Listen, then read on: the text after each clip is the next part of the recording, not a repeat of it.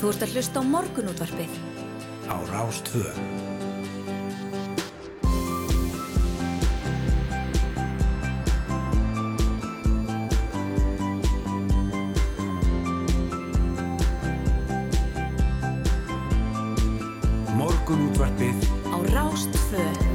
Jögóðan og blessan daginn, hér tekur morgunúttarpið af stað, fyrstu daginn 20. mæ. Það er svona um þetta leiti sem að, að já, í hverju mánuði sem að færa áfalli við því hvað tíminn líður hratt. Já, einmitt og kannski bara er það ágætt að, að svona, við verum að fara inn í sumarið að, að, að við fáum sumarið sem fyrst. Já, meinar. Já. En svo kemur júni og þá viljum, viljum við að, Þá hérna, viljum við hægja verulega á, algjörlega, Já. hægja verulega á. einmitt. Það er sílist áfram í Já. svona sumar allsælu. Nefnilega, þetta er nú fallið í dagar hérna e, eiginlega um allt land þessi dagana. já. Það er svona ekkit endilega mikil sól en það er hlýtt í veðri, Já, stilt, gott, eins og við segjum. Já. Herrum við ætlum að bjóða upp á fjölbreyttan þátt í dag um, eins og alltaf á föstum fyrir við fréttir vikunar, mynd eftir áttafréttir og í þetta skipti komum við til okkar Valur Grettisson, riðstjóri Reykjavík Greipvæn og Heiða Kristín Helgadóttir, framkvæmtastjóri og við ætlum svona hérna að beina eh, spjótum okkar að hinn á þessu sveitarstöndarkostningunni sem voru síðustu helgi Emitt. og meiri hluta við ræðunum og eh, já, eflust ræðuðu margt fleira en það, svona hitt og þetta kannski getur við sagt sem gerist í liðinni viku Já, algjörlega. Í ítalegri útætt stundarinnar má finna upplýsingar þess efnis að íslenskir lífverðisjóður hafa hagnast um 10 miljardar á viðskiptum sínum við íslenska fyrirtækið Actavis sem, samkvæmt frettum fjölumheðlisins, bera hlutu til ábyrð á miklum ópjóðafaldri í bandaríkunum sem kosta hefur um halva miljónum manns lífið. Þetta vekur auðvitað upp spurningar um samfélagslega ábyrð lífverðisjóðana sem vinna eftir ríkri á kröfu um ávöxtun lífverðis alls launafólks En hvað má svo ávöxtum kosta og hvaða skildur ríkja á lífyrirsjóðunum að taka upplýstar ákvarðinur um fjárfestingar sínar? Sættir Íslands launafólk sig til dæmis við það að pundið þeirra sé ávöxtaði bransa sem með einum eða hörum hætti skerðir lífskeiði annars fólks í öðrum löndum. Við ætlum að ræða þessi mál og spyrja þessara spurninga að hann Ólaf Sigursson, framkvæmdastjóra lífyrirsjóðsins Byrtu. Í mitt. En greint hefur verið frá því að ennþá vanti starfsfólki í ferðarþjónustu sem er að einhverju leiti eh, farin að taka við sér eftir faraldurinn. Og framkvæmstjóri samtaka ferðarþjónustunar hefur sagt að það gæti komið til þess að flytja þurfin fólk til þess að manna störfi í atvinnugrinni og þá kallar fjölkun nýbygginga sumulegðis á erlend vinnuafl. Og hins verður ljóst að húsnæði skortur geti hamlað innflutningi á starfsfólki og við ætlum að ræða þessi mál við Hannes G. Sigursson hann er hagfræðingur hjá samtökum atvinnulífsins við ætlum að ræða við hann um vinnuafla og mannfjölda og innviðu uppbyggingu það koma með dög út þessi hérna, skýrsla starfsópsins í húsnæðismálum sem við rættum við Sigurðinga í gær Emitt. þar kom fram að það þurfi 4.000 íbúðir eh, núna á hverju ári næstu árin og Drífa Snædal eh, fórseti ASI sagði það í speklunum í gær að, að það væri vannmatt ef hér kemur erlend vinnuafl núna í stíðnuströmi Já, Sigur Ingi fullirti við okkur í gær að það veri verið að gera ráð fyrir því að það þyrfti að flytja fólk sem þyrfti að ykkur að búa til þess að byggja allir þessu hús. Mm en uh, já, það er svona greinilega ekki alveg hérna samljómar þar á milli En á tíunda áratögnum fundu megrunagúruar heims allt að neyslu á fytu og töldu hana upp á að endi einhvers holdavarsvandamál hér á Vesturlundum. Í dag er það blessuð kolvetnin sem fólk forast til lengstu lög vilja stjórna þingdinni. En þetta er hins vegar ekki svona einfalt.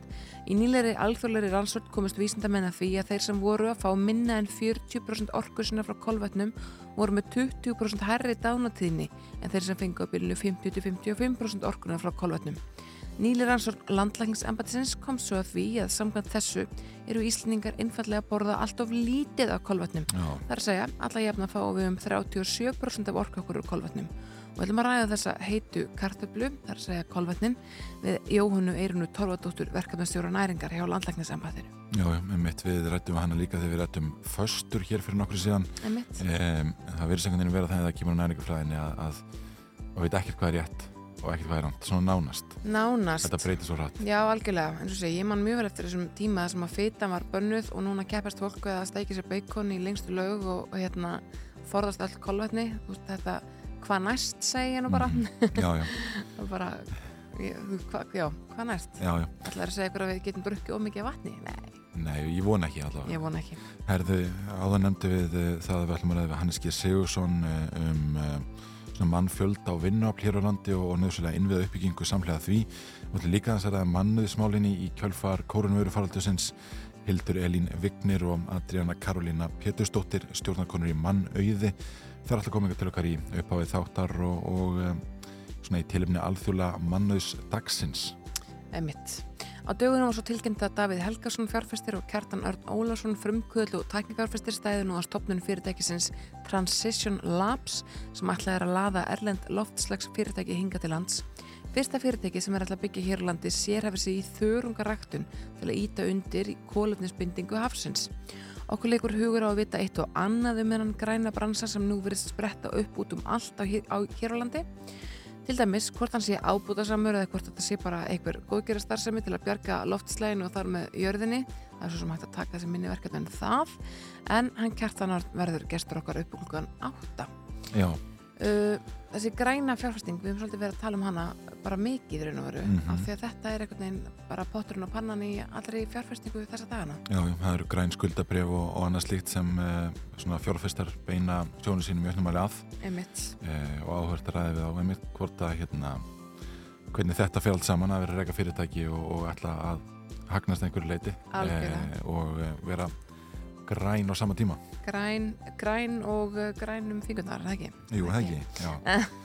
Herðu, um, ég var lítið hans á fórsýður bladuna hér á fórsýður morgunbladsins um, er ég skemmtileg mynd af uh, ungri stelpu sem er hérna að leika sér með einhvers konar bangsa eða, dúkku hérna á fjölmunum íbúafundi Grindavík sem var í gerð uh, klukkan hálf átta minni mig alveg en það var fjölmunir þar og þar var farið yfir stöðum ála vegna jarðskjáltana sem skekið hafa reikinesi síðustu daga. Þar fjöldu höstu sérfræðingar eh, um stöðuna og horfur á því hvort Elgos væri á næsta leiti. En okkur landris hefur orðið undir Þorbirni bæjarfjalli Grindavíkur. Eins og við rættum eh, eh, Kristján Jónsdóttur hópstjóra náttúru var hjá viðstofan í ger Já. en hér sé Fanny Jónsson bæjarstjóri Grindavíkur að hreina nú hafi mynd bæjarbúa óþægilega á hreinuna í aðdraðanda síðasta goss Einmitt. Það eru svona öllu alvarlegri tí eh, já, þetta eru öllu alvarleg tíðindi en það eru afskaplega alvarleg tíðindi hér framann á fréttablaðinu.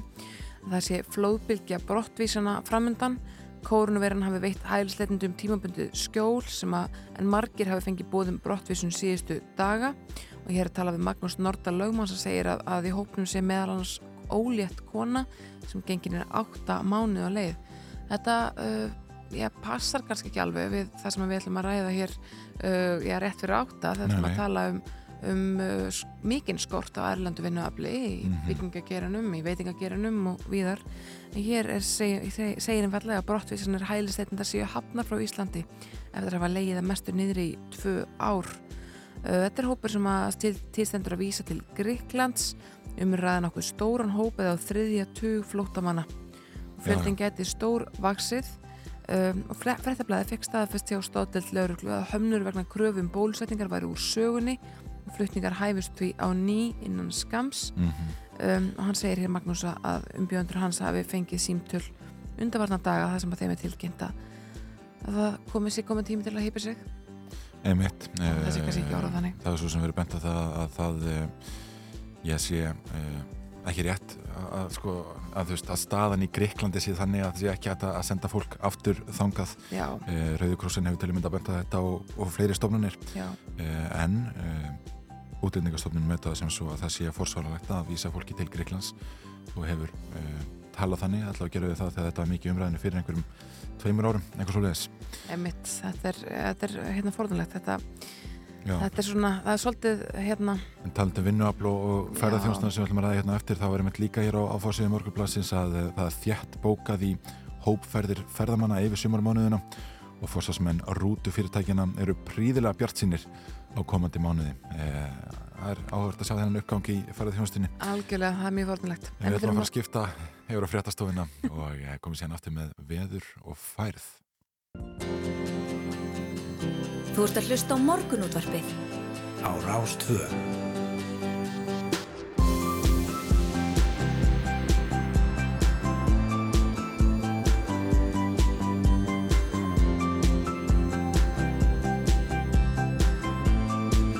Morgunútvarpið á Rástfö Jújú, morgunúttabið býður góðan dag, fyrstudaginn 20. mæ Sjöfrettir að baki og það er Yngvar Þórusnær og Sindradóttir sem ætla að vera hérna með ykkur til klukkan nýju í dag.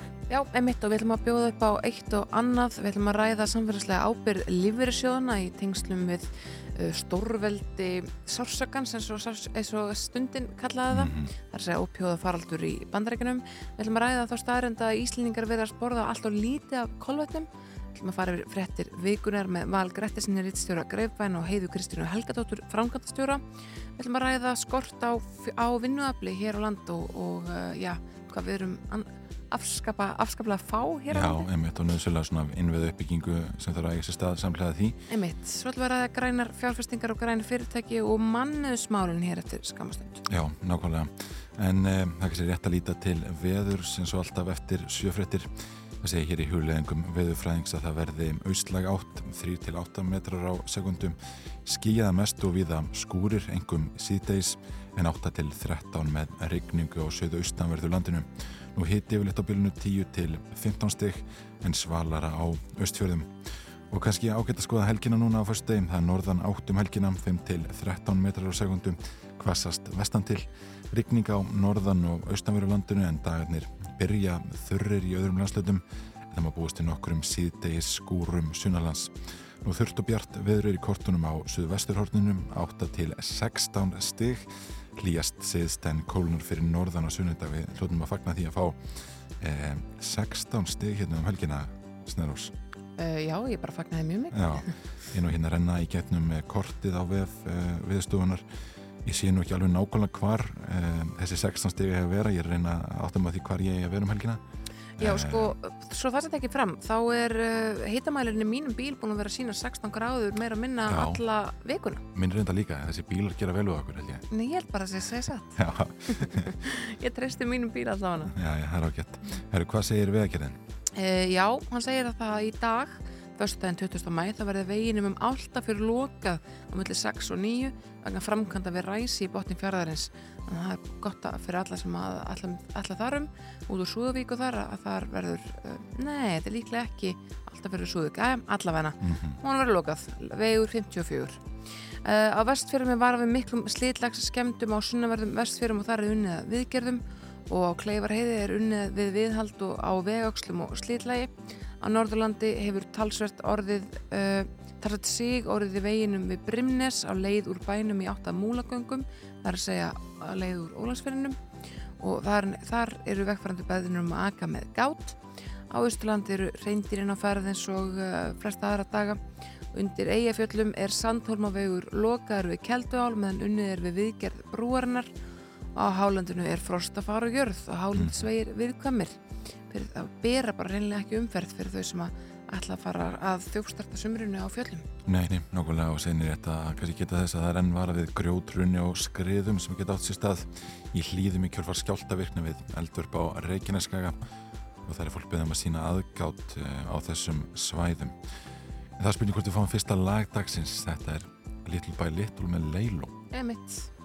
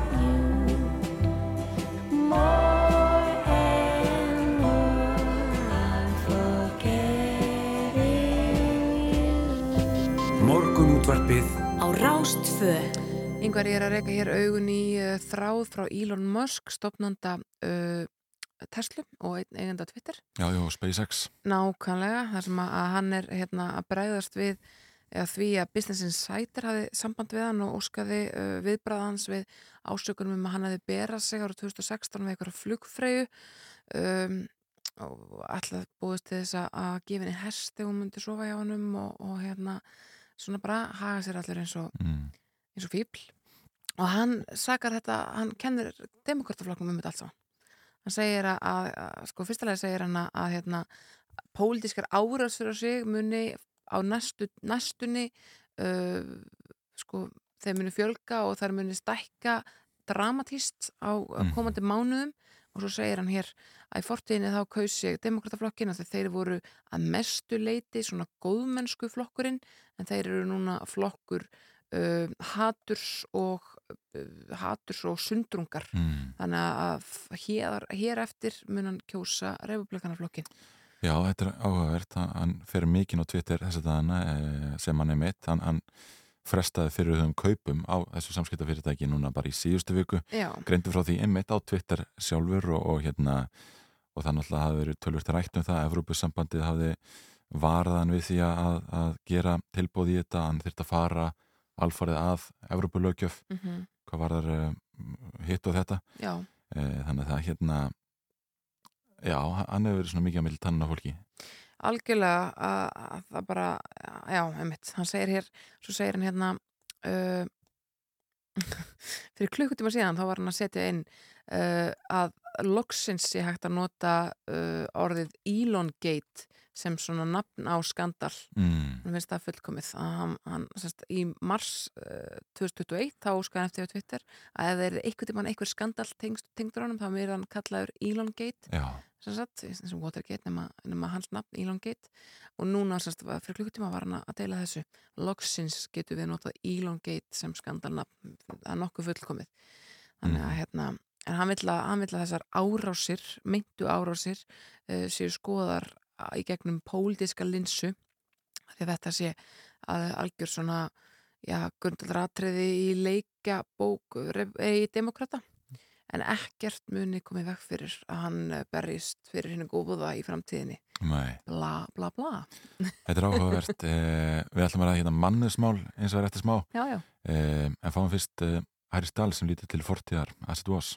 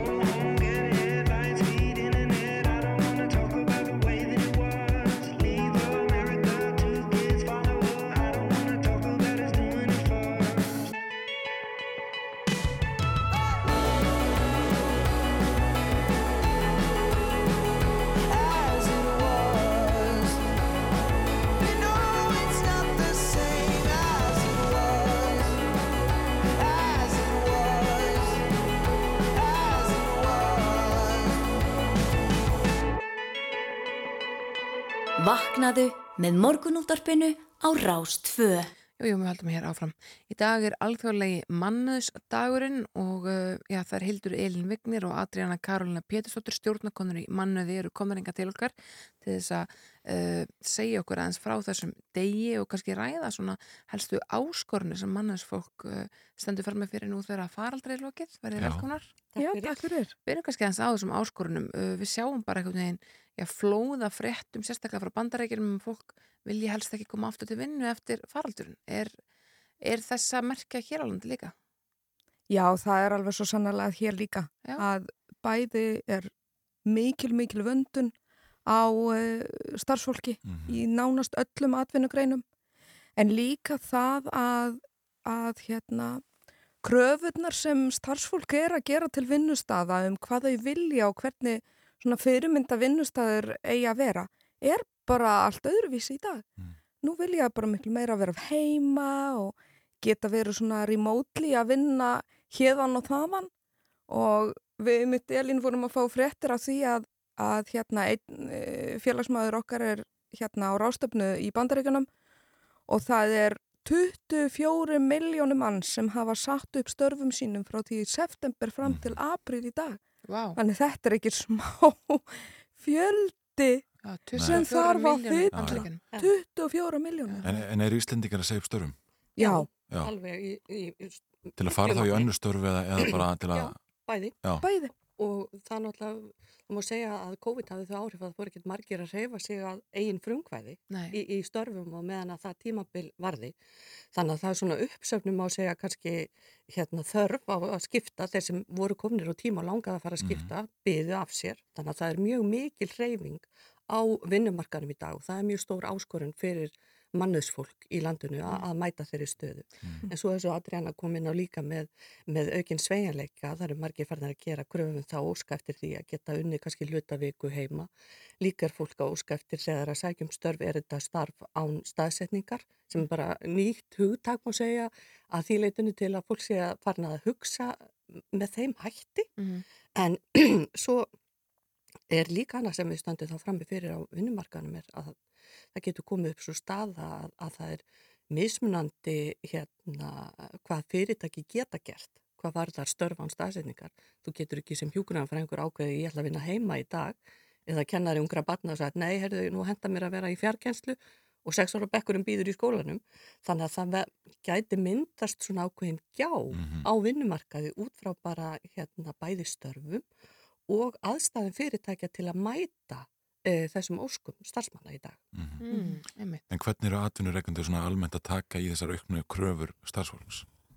Það er náttúrulega reynd að vera að sína og skapa þannig vinnumhverfi að fyrir þá sem geta unnið að heiman og hérna og verið meiri sveigjanleiki er ekki verið með þetta 8-4 vinnu eins og við, Mhm. við þekkjum en hérna en þau öll eru komin einlega mikið þar þannig að ég held að, að núna er bara svona tími til þess að fínpúsa stilla saman strengjum hvaða reglur eru í bóði og hvað ekki og hvaða tímum verður að vera stattur á, á vinnustafnum ef slíkt er. Þannig ég held að þar er meira svona að pússa þetta saman þannig að þetta er svona rúla smúð þvert yfir fyrirtæki. En hvað geta fyrirtæki gert annað til þess að vera sko, ákjössanlega fyrir starfsfólk og þetta laun eru þetta mjög stór þáttur en svona til þess að, að fólki líða vel, á vinnustæðinum og finnist að vera metið að verðleikum og svo framvegis. Það er náttúrulega ímislegt sem fyrirtæki geta gert en fyrst og síðast náttúrulega er þetta hvernig eru störfin, hvaða tilgang hafa þau, hvaða hérna það eru til dæmis er í miklu meira mæli farið að spyrja út í er fyrirtækið, þú veist, með sjálfbærti stefnu, hver er okkar stefnavarandi umhverfismál, það eru svona hlutir sem eru farinir að skipta meira máli í fyrirtækja rekstri í dag og skiptir starfsfólk máli og, og, og, fólk sérstaklega uh, veltir fyrir sér yfir þessum hlutum, hvers konar starf er þetta, hvernig starfsum, hvernig, ekki bara hvernig er búið að okkur heldur, hvað eru við að miðla inn í samfélagið, eru við að gera eitthvað meira og gefa til samfélagsins en áður, hvert er sjálfstæðið mitt í starfi, það eru svona ákveðni þættir sem hafa mjög sterka tengingu við starfsánægju sem að fyrirtæki eru ymmit núna að horfa mikið til. Því eins og þú segir, laun eru eitt en þau eru ekki allt. Þú nefnir þetta ungt fólk, sko, okkur unga fólkinu er svolítið leið að hálsa fyrir að vera pínu prímadonnur og einmitt vilja bara egnin starfa hjá okkur um fyrirtækjum eins og Google, það sem að það er biljartborði í kjallaranum og á mötunötið alveg frábært. Sko, eru, eru fyrirtæki að mæta þessu er þetta bara pjatt í svona þessari þúsaldakynslu eða er þetta, er þetta bara það sem koma skal á vinnumarkaði? Ég held að þetta sé bara það sem koma skal. Þetta er bara ný kynnslóð, þau horfa á þetta öðruvísi. Það er ekki lengur verið að reyna að selja, já þú getur unnið endalösa yfirvinnu. Það er ekki það sem, sem hérna, kynnslóðin er að leita af. Sem ég held að sé mjög jákvæð þróun Mhm. að við séum að jafna meira jafn, hérna, jafnvægi millir engalífs og, og vinnu og hérna svo sannarlega er þetta áskoranu fyrir fyrirtækin að vera með púlborðið og gott mötuneyti og hérna og stundum er það hægt, stundum ekki og í þeim tilfellum þar sem þetta er ekki hægt þá þurfa þær að snúa sér að einhver öðru. Mhm. Ok, hvað gerum við í velferðu starfsmanna og hvernig er veljan á vinnustanum? Nær það að þróast í starfi, þjálfun, vaksa í, í allar heimsins áttir í raun og veru. Þannig ég held að nálgunin er bara öðruvísi. já. Við talað svolítið um það að það hendar ákveðnum starfsgreinum að, að eh, vera í fjárvinnu og öðrum ekki, kennarinn og hjúkurnafræðingurinn vinn ekki heima eh, og við tölum líka um þetta jafnvægi á milli engalífs og, og vinnu. Eh, Haldið þetta hafi áhrif á, á sko bara kjara viðræður og, og, og, laun að, að þessar stjættir sem þurfa að mæta til vinnu og þurfa að taka sér tími það að fara til og frá vinnu sem tekur oft langu tíma geti gert meiri kröfur um herri laun. Það er, það er hérna, erfitt að svara til akkurat um það af því að þetta er tiltöla nýr veruleiki sem við stöndum í. Þannig að hvort það kemur til með að hafa áhrifa á kjara viðræður strax er svolítið erfitt að segja, mér finnst það ekkert ólíklegt. En þetta er náttúrulega vissulega mikil áskorun fyrir mannuðsfólk sem er að koma út úr uh, þessu COVID ástandi að finna og vinna að nýju jafnvægi á vinnustöðun og þá er einmitt að því að tala um kjaramál margir sem hafa setið og ekki beðið um launasamtal til dæmis í, á COVID-tímum að því að við bara rættur um að, að það er ekki tekið vel í það að eru einmitt að banka á dittnar mjög Já. víða núna. Einmitt. Já, já. Og segja þá, já, ég er með tilbúð annar stað frá eða... Já, já, algjörlega. Jafnvel það, jafnvel Já. það. Já. En það er þessi alþjóðlegi mannustæður í dag. Uh, hvað stendur til? Sko nú er fullt af, hérna bæði er að koma alveg risastórt sérblað út í dag, hérna með mannauðsgreinum og, og hérna allt svona mannauðstengtri umræðu. Og svo er vorgleiði hjá okkur Í félaginu. í félaginu á Og- eftir. og svo er hérna viðskiptaráð með þing í dag þar sem áhersla er á mannusmál þannig að það er mjög víða verið að ræða um mannusmál, ekki bara hér heima heldur víða erlendis líka, Mhm. þannig að þetta er stór dagur en góður svona líka til uppsker og aðeins að geta fagnað og, og fagnað vori, skulum við segja, Já. og, vera komin út úr þessu ástandi. Algjörlega, við fagnum líka voru hér í morgunúndarpinu. Hildur Eilin Vignir og Adriana Karolina Pétursdóttir, stjórnakonur í Mannuð í félags mannansfólks. Takk hérlega fyrir komuna. Já, takk.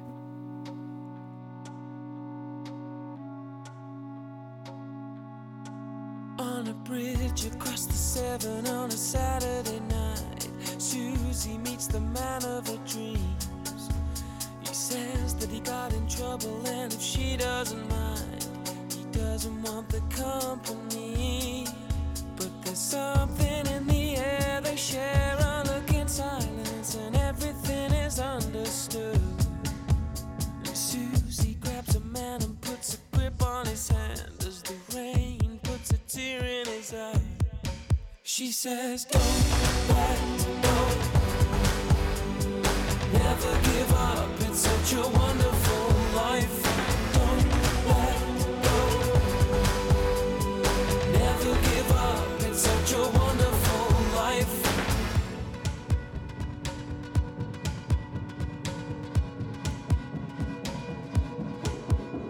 Driving through the city to the temple station, cries into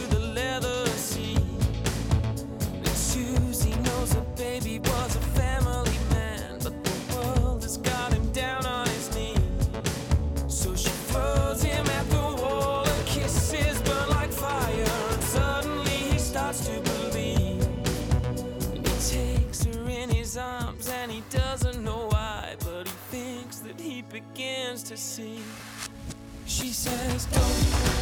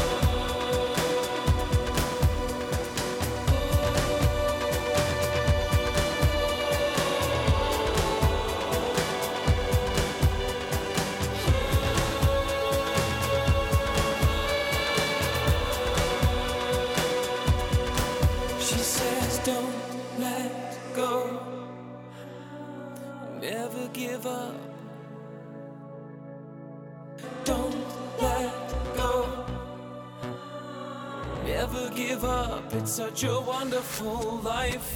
Wonderful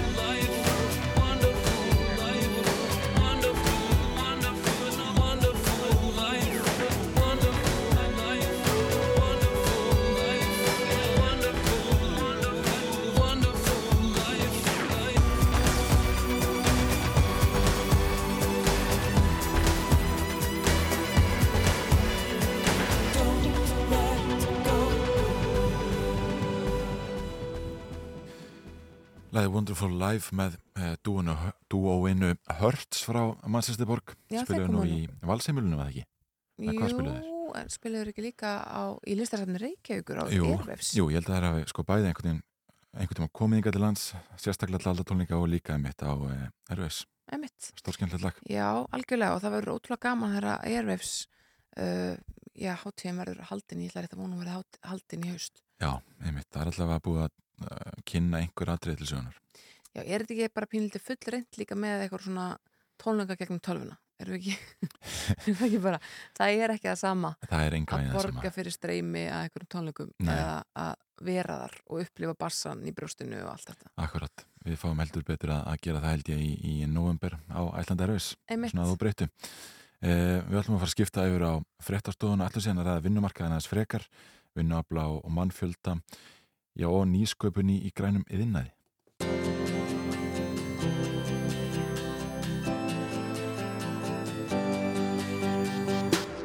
Þú ert að hlusta á morgunútvarpið á Rástvö. Jú, áframhaldum við hér í morgun útvarpinu Föstudagurinn 20. mæ framundan og uh, ekkert nema gott um það að segja. Neini, fallet veður um allt land eh, örlildir rigning svona á austurveru landinu Einmitt. en, gott en á meðan það er hlýtt og stilt og Nákvæmlega. þá erum við sátt Algjörlega. Við erum að heyra smá músík, þetta er Running Into a Wall með Sýbir, nýtt með þeim.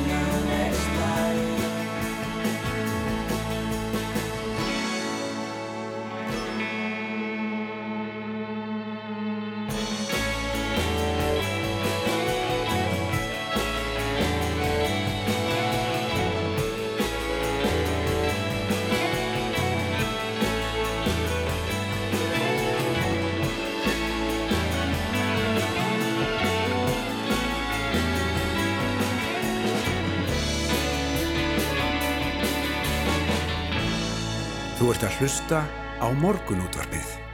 Á Rás 2. Jú, jú, við höfum fjallað svolítið um grænar fjárfestingar hér í þættunum uh, undarfarna mánuði en á dögunum var tilkynnt að Davíð Helgarsson fjárfestir og Kjartanar Ólafsson frumguðul og tækni fjárfestir stæði nú á stopnun fyrirtækisins Transition Labs sem ætlaði að laða Erlend loftslags fyrirtæki hinga til lands. Fyrsta fyrirtæki sem er alltaf byggja upp hér á landi sér eftir sig í þurungaræktun til að íta undir kólennisbindingu hafsins og okkur leikur hugur á að vita ja, eitt og annað um hennan bransa sem nú verið spretta upp út um all land þar að segja græna bransan hvort hann sé ábútasamur og hvort það sé bara eitthvað góðgerastarðsami til að bjarga heiminum. Hann er komin eitthvað til okkar Kjartan Örn, vertu velkomin. Það er eitthvað skrítið hljóðið þér þannig að við þurfum held ég að færa þig á þennan mikrofón. Það veitum ekki alveg. Já, Hanna, er hljóðum við þegar þrjú eitthvað- að stríða sko. okkur hérna. nákvæmlega Já. hljóðunum við þurfum með þrjú eitthvað að stríða okkur. Það er ótrúlegt. Herðu, uh, til hafmyggjum með þetta nýja félag Transition Labs uh, þið ætlaði að laða hingað loftslags fyrirtæki ímiskonar, sko, er Ísland já, besti áfengastæðin fyrir svona fyrirtæki? Já, sko, við metum það sem svo að Ísland sé mjög ákjásanlegu staður fyrir margar tegundir lofslagsverkefna. Mm Uh, hendar ekki öllum, en, en útgangspunktur okkar, kannski bara til að byrja með er sá, að nú þegar séu til heilmikið af áhrifaríkum lofslagslaustnum sem að er hægt að byrja að nýta til þess að hafa áhrif í þessu barátt okkar, kljást Mhm. við lofslagsbreytingarnar. Það sem við staðið þessum verkefnum oft fyrir þrifum er að það er flókið að, að láta þær að koma þeim á koppiðin og láta þær vaksa þannig að það verði nú stórar til þess að byrja að hafa verulega áhrif. Uh, við höfum skoðað þetta vel og kynnt okkur þetta svið vel uh, og metum það sér svo að Ísland sé mjög ákjásanlegu staður fyrir mörg þessara verkefna Mm. um, og fyrir því eru ímsar ástæður. Uh, við þekkjum öll vel grænu orkuna sem við eigum og Ísland er eina landið í heiminum þar sem öll raforka sem framleitt er er græn og umhverfisvæn og sjálfbær. Um, uh, og síðan er þetta ímis, sko, ef maður berða saman við þau verkefni sem að við höfum verið að skoða þá nýtist sumum mjög vel til dæmis aðgangur Íslands að hafinu. Já, en Norður Atlanshafið hefur ímis enkenni og eiginleika sem að eru mjög hagstæð. Mm.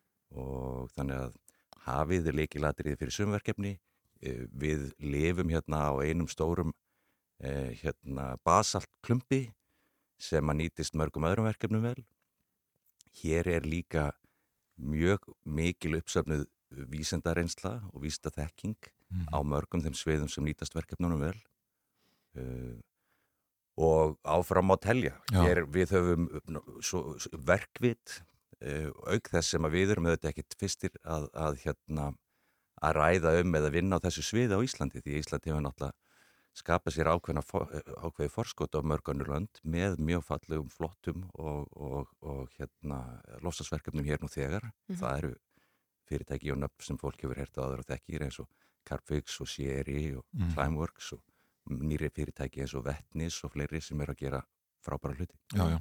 Sko Snærus nefndi hérna aðan þess að þörungaræktun sem stendur til að fara í til að sko íta undir kólefnisbindingu hafsins getur útskilt þetta verkefni aðeins nánar fyrir okkur og hvernig í óskopunum þetta virkar.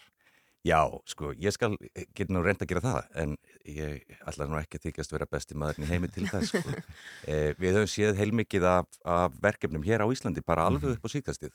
Já, það er nú lengri hefð fyrir því, en sérstaklega upp á síkastið. Mikið rætt um, þörunga, rætt um þörungarækt og mest af því hefur verið, sko, þörungaræktaverkefni sem snúa um, snúast um þörungarækt til manneldis. Um, þetta verkefni sem við erum að vinna með uh, og er fyrsta verkefni sem við erum að koma með til landsins er félag sem heitir Running Tide uh, frá Maine í Bandaríkjunum og, uh, og það snýst um það að rækta þörunga, stór þörunga á miklum skala Mm. úti á, djúft út á sjó uh, á svæðum það sem er meira en þúsund metra dýpi um, og þörungarnir eru ræktaðir á lífbrjótanlegum baujum og þegar þeir ná ákveðin í stærð og ákveðinum þunga og baujurnar missa flotgildi sitt þá sekkur heila klappið niður fyrir þúsund metra dýpi e, niður að hafsbotni og þar er kuldi og þrýstingur og, og hérna og myrkur þannig að, að þarinn rotnar ekki aftur og losar ekki koldvísýringin Mm. gengur á, á lengum tíma ofan í jarðlögin og, og breytist já, á næstu fjórum miljónum ára aftur kannski í olju. Já, Þetta er langtíma fjárfæsting Já, sko, þetta, er, þetta verkefni hefur hlotið mjög mikla vísla viðurkenningu, Já. hefur unnið öll helstu verðlaun á þessu sviði í heiminum uh, og er viðurkent sem lámarks, uh, lámarks uh, að, að, hérna, að þetta taki koldvísýringur anslóttinu að minnskostu í þúsund ár og hugsalega meir. Já, En annars er betra fólk til staðar hjá okkur sem þið getur rætt við á næstu vikum til að útskýra þetta það ná. var náttúrulega rætt um þau rætt sem svona næstu byltingu í íslenskum landbúnaði fyrir einhverjum árum Já, síðan en, en þetta er svona, þarna erum við að hugsa um hafið og, og sjóin. Já, þannig erum við að nýta sagt, það, og það er nú eitt af því sem er svo snjált við þetta verkefni. Við, við þekkjum kannski hvað best hér á Íslandi lofslagsverkefni sem eru hátæknileg uh, verkefni eins og ég nefndi hérna áðan. Uh, önnur mjög áhrjári lofslagsverkefni snúast einfallega um það að flýta náttúrulegum ferlum. Náttúran að hún, hún uh, hefur þessar ringrási sínar, það sem að koldvísýringur og svo það sitt ekki fram aðrar gróðurhúsa lofttegundir líka Mhm. uh, að sjálfsögðu losna og eru bind, bindast aftur með einhverjum hætti uh, en nú höfum við mannkinnið losað allt og mikið að koldvísýringulæðingi á, á síðustu ja, 200 árum frá einbildingu Mm koldvísýringurinn er núna í lofthjúpnum og í efri lögum hafsins og að hafa þessi stórkastlega slæma áhrif en það er hægt að nýta náttúrulegum fendlum sem að taka þá koldvísýringin og aðra loft, lo, gróðursaloftegundir úr umferð Mhm. inn í djúpsjóin, ofan í bergið, ofan í hafsbotnin og svo framvegis. En hvað með sko ágóðan á þessu, sko viðskipta hliðina af öllum þessum grænu verkefnum, eins og ég nefndi hérna á hann, er þetta bara einhver góðgerastar sem er til að bjarga jörðinni þó það sé nú mjög verðið verkefni eða er eitthvað hægt að hafa uppur þessu fyrir svona, já, fjárfesta og tækni fjárfesta eins og þú ert? Sko, við erum, drifkraftur okkar er fyrst og, fyrst og fremst sá að reyna að, að, hérna, að hafa áhrif hérna aðeins til góðs. Mm. um, en, en við erum ekkit að þykjast vera eh, hérna eh, allserjar í allserjar góðgerðastarfi Nei. Og stór hluti og, það sem er svo mikilvægt í því sambandi finnst okkur líka er að ef okkur tekst að byggja þessi fyrirtæki upp með þeim hætti að þau sjálf eru sjálfbær ekki bara þau séu að vinna sjálfbær í náttúru heldur þau séu sjálfbær ekstralega þá er það líkilnaði að þau geti vaksið og elst ennþá frekar stækkað og haft enn betri áhrif. Einmitt. Þannig að við horfum til þess getum við sagt að til langstíma geti þetta verið orðið ábúttusamur uh, yðnaður en það er kannski til talsveit langstíma og við vonumst til þess að Ísland geti sko eld sig stórkoslega á þessu sviði vegna þess að þetta er það svið hagkerfisins sem að flesta rannsóknir benda til að verði eh, mikilvægasti og mestur hávöxtur í á næstu áratugum. Vonandi minna enn sem er þúsund árum sem við töluðum á þeirra plana. Kjartan Örn Ólafsson, frumkvöld og takkin fjárfestir, takk kærlega fyrir komin í morgunóttarpið.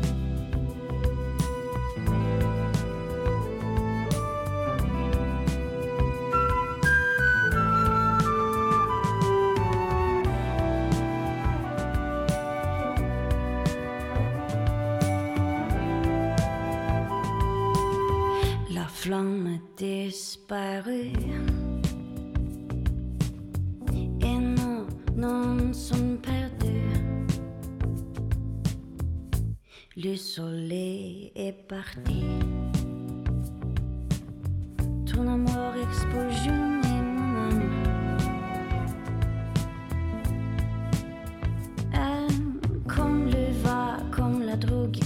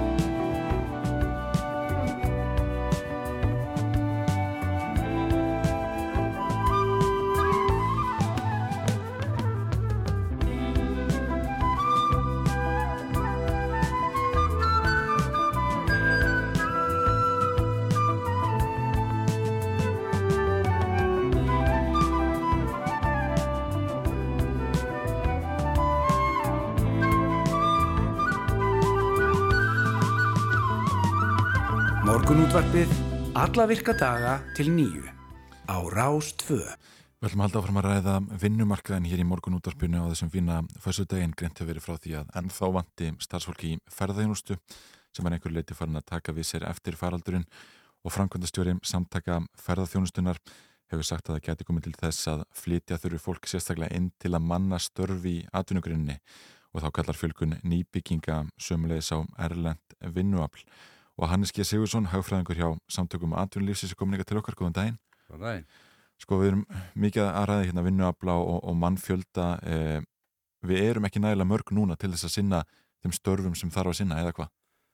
Svo staða sem að er komin upp núna hefur verið fyrir sér um margar áratuga skeið og hún stafar að því að fæðingatíðnin hefur farið minkandi og uh, þegar að um, þeir sem að hérna, fór inn á vinnumarkaðin fyrir nokkur áratugum síðan þá voru þeir uh, hluti af kynsluðum þar sem að sko, konur áttu fjögur börn Mhm. og ég er á þeirri kynslu, kalla baby boomers og fjögur barna konu fór í þrjú barna konu, í tvö barna konu, í 1,1 barna konu. Og staðan er þá svo, svo núna að þeir sem er að fara af vinnumarkaði, sem eru 60, 50, 70 ára, eru álíka margir og þeir sem er að koma inn á vinnumarkaði, sem eru fættir um aldamóti síðustu. Mhm. Þannig að eru að bera saman þá sem eru fættir 1950 til 60 og þeir sem eru fættir kringu 2000. Þetta er bara álíka stórir árgangar. Mhm. Það er íslenski vinnumarkaði, inn, sem að, að, að fólk sem að íslenska foreldra hann er ekkert að stækka Nei. og þetta er, hefur verið líst þannig við vorum hérna áður fyrr með mannfjölda píramíta en núna er þetta mannfjölda kassi Mhm. kassin er bara þannig lagaður að það er hver árgangur er jafn stór en áður voru sem sagt, yngstu árgangur miklu fjölmennari Mm. Þetta sko þýð það að hérna, við erum alltaf með, í, í samfélagi sem er með hagvöxt, sem að vex og til þess að geta vaksið þá þarf fólkinu að fjölga á vinnumarkanum. Mm. En innlenda fólkinu er ekki að fjölga á vinnumarkanum, þess vegna þurfum við að flytja inn fólki í mjög miklu mæli og sívaksandi mæli. Mm. Og þetta er eiginlega staðan sko, sem að núna komin upp, ætti ekki að koma nokkur mann á óvart. Þetta er algjörlega fyrir sér Já, þetta er ekkert með COVID að gera. ekkert með COVID að gera og hérna, þetta er í raun og veru ástand sem við hefðum geta búið okkur betur undir Mm. en er að koma okkur að einhverjum mjög undarlegum ástæðum á óvart. Já, en það er sko til dærulega erfitt fyrir útlendinga að flytinga. Það er erfitt að, fá atvinnuleifi, það er erfitt að komast í gegnum svona þar gerðingar sem við höfum búið til í íslensku lögjöf, ekki satt? Það er alveg rétt og en það er líka rámt því að hérna, fyrir EES-samningin þá var Ísland bara virki og uh, útlendingar voru bara, þeim fjölgaði ekkert á Íslandi. Mm. Það var 2% uh, landsmanna voru útlendingar alveg áratugum saman. Svo kemur EES og þá erum við alltaf hluti að frálsi för á 500 miljónar markaði. Þannig að það er enga gyrðingar og hindranir á, á hérna, EES-svæðinu. Mm. En síðan eru gyrðingarna gamlu og þær eru enn, enn styrtar gaggat öllum öðrum hérna, landsvæðum og þjóðum í heiminum. Mhm. Og þannig er, er lögum atvinnuréttindu útlendinga að það er uh, mjög erfitt að komast hingað og um það snýst öll umræðan að það sé, hún snýst um flóttamenn þá sem að sækja um hæli hérna á Íslandi en staðan er, er hins vegar svo að við þurfum að flytja inn alveg rosalega mikið af fólki sérmentuðu fólki, háskólamentuðu fólki ekki fólk sem er að vinna einföldurstörfin heldur, heldur bara burðar ása í, í hérna samfélagi næstu ára Mm. við þurfum að flytja þetta inn, eh, fólk inn og það erum við ekki að fara að gera frá Európu Nei, og það þarf að breyta lögjöfinni á, á einn átt eðanan. það blasir við Já, Mm. einmitt. En, en þú segir sko sérmentu fólki, menn þurfum við ekki líka fólk til að sinna einmitt byggingariðinaðinum svona ósérmentu störfum með ferðarþjónustu og, og veitingagerinu. Jú, þetta er alveg, alveg hárgætt við þurfum á þeim hérna, starfsmönnum að halda en líka hinum. Og þeir eru ekki kannski að koma hingað e, e, e, það þarf miklu meira til. Mm. það þarf að laða að þetta fólk hingað. Það þarf að bjóða því upp á uh, frábæran kost varandi húsnæði, varandi aðstöðu fyrir fjölskyldur, fyrir börnin, skólana uh, skóla sem að kenna á ennsku það er bara alls konar innviðir sem að þarf að hérna, búa til bara gyrnilegan pakka til að laða hinga að lækna frá Afriku eða, eða Asíu eða hjúgrunarfólk eða, eða verkfræðinga eða hvað, hvað eina og slík stefna er ekki til staðar hérna á Íslandi en það blasir við að við verðum að taka upp slíka stefna þannig að það er ekki eftir neina býða Já, einmitt. Við höfum náttúrulega tölvöld rætti með þessa innviði sem þarf að byggja upp samhliða e, fólksflutningum hinga til lands. E, þú met, metu það sem svo að það sé engin stefna í þessum efnum. Hvernig eru bara sko, ef við lítum bara á húsnæðismálin, er, e, er nægt húsnæði hérna til að, að, gera áallanir ráð fyrir því að, að fjöldi fólks komi hinga til lands og að uppbyggingin sé samkvæmt því? Vissulega ekki, við þekkjum umræðum um húsnæðisvandan og hann tengist uh, nánast eh, mjög lítið þessari þörf fyrir uh, fólk til þess að manna hagvist næstu örfár ára. Þetta er bara staðan eins og hún er núna, það hefur bara ekki verið byggt nóg mikið undan án til þess að sinna þeim bara kynnslóðum sem er að koma hérna inn á markaðin. Þannig að það þarf eiginlega, já þegar ég las í blöðum í morgun það þyrfti svakvæmt, hérna nefnd sem að starfa þyrfti svona byggja fjóðst íbúður ári á næstu árum og það er bara það blasir við og það hefur ekki verið gert og það er svolítið átækt til þess. Er það nóg til þess að- taka mótið þessum fjölda sem við þurfum líka inn á eh, íslenska vinnumark? Ég, mig grunar ekki. Að, að, bara ef maður lítur á hagvöst næstu fjögur ára, þetta er svona svolítið fyrirsjánlegt, svona til 2025, að þá þurfum við cirka 3000 útlendinga hérna, á hverju ári inn og uh, sem starfandi fólk og þeir eru náttúrulega með fjölskyldur. Einmitt. Og, eh, held- 3000 einstaklinga og síðan pluss fjölskyldi sem sett. Já, ég er að tala um þá starfandi Já. einstaklinga sem að hennar og svo er börnin og allt það en, en það er bara hvert ár 3000 og það- me, meir, meir en helmingur en þeim er með, með háskólamendun og þetta fólk er ekkert að fara að koma hinga sjálfstafan, við þurfum að laða þetta fólk hinga. Já, einmitt. Við komumst ekki lengra í, í þetta skiptið Hannes G. Sigursson, hagfræðingur hjá samtökum atvinnulífsins. Takk fyrir að koma í morgunúttarpið og, og ræðið við okkur. Takk að þér. Við ætlum að skipta yfir á fréttastofuna og heyra hvað þau hafa að segja um klukkan átta og svo förum við yfir fréttir vikunar að þessu sinni með Valgrætti sinni Ritstjóra Reykjavík Greipæn og heiðu Kristínu Helgatur Frangatastjóra. Við ætlum svona að beina sjónum okkar að sveitastina kostningunum. Já, og þessi meira hluta viðræðin sem eru núna yfir og allt um kring hér e, í öllum þessum sveitafölunum sem kosið var í, getur við sagt. Já, algjörlega. Það er hérna, það talaðum að hlutir gætu farið að skýrast eftir helgi hér í Reykjavík Já. en annars staðar eru meirhulda viðverðar á fullri ferð. Já. bara ákveðið eitthvað aðeins að kvíla sig hérna. Stærsta sveitafélagi. Nákvæmlega, en fyrst fréttastofan. Þú ert að hlusta á morgunútvarpið. Á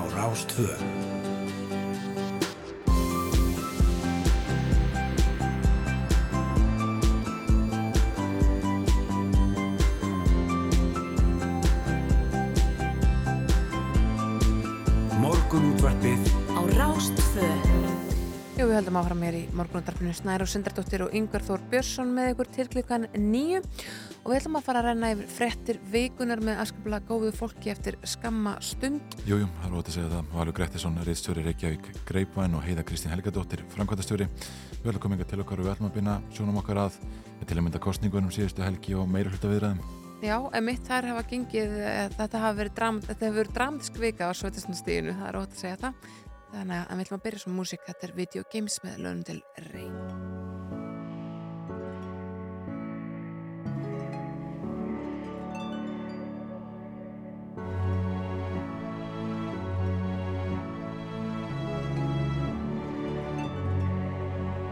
Swinging in the backyard, pull up in your fast car, whistling Open up a beer and you say, Get over here and play a video game. I'm in his favorite sundress, watching me get undressed, take that body downtown. I say you the bestest, leaning for a big kiss, put his favorite perfume on, go play a video game. It's you, it's you, it's all for you.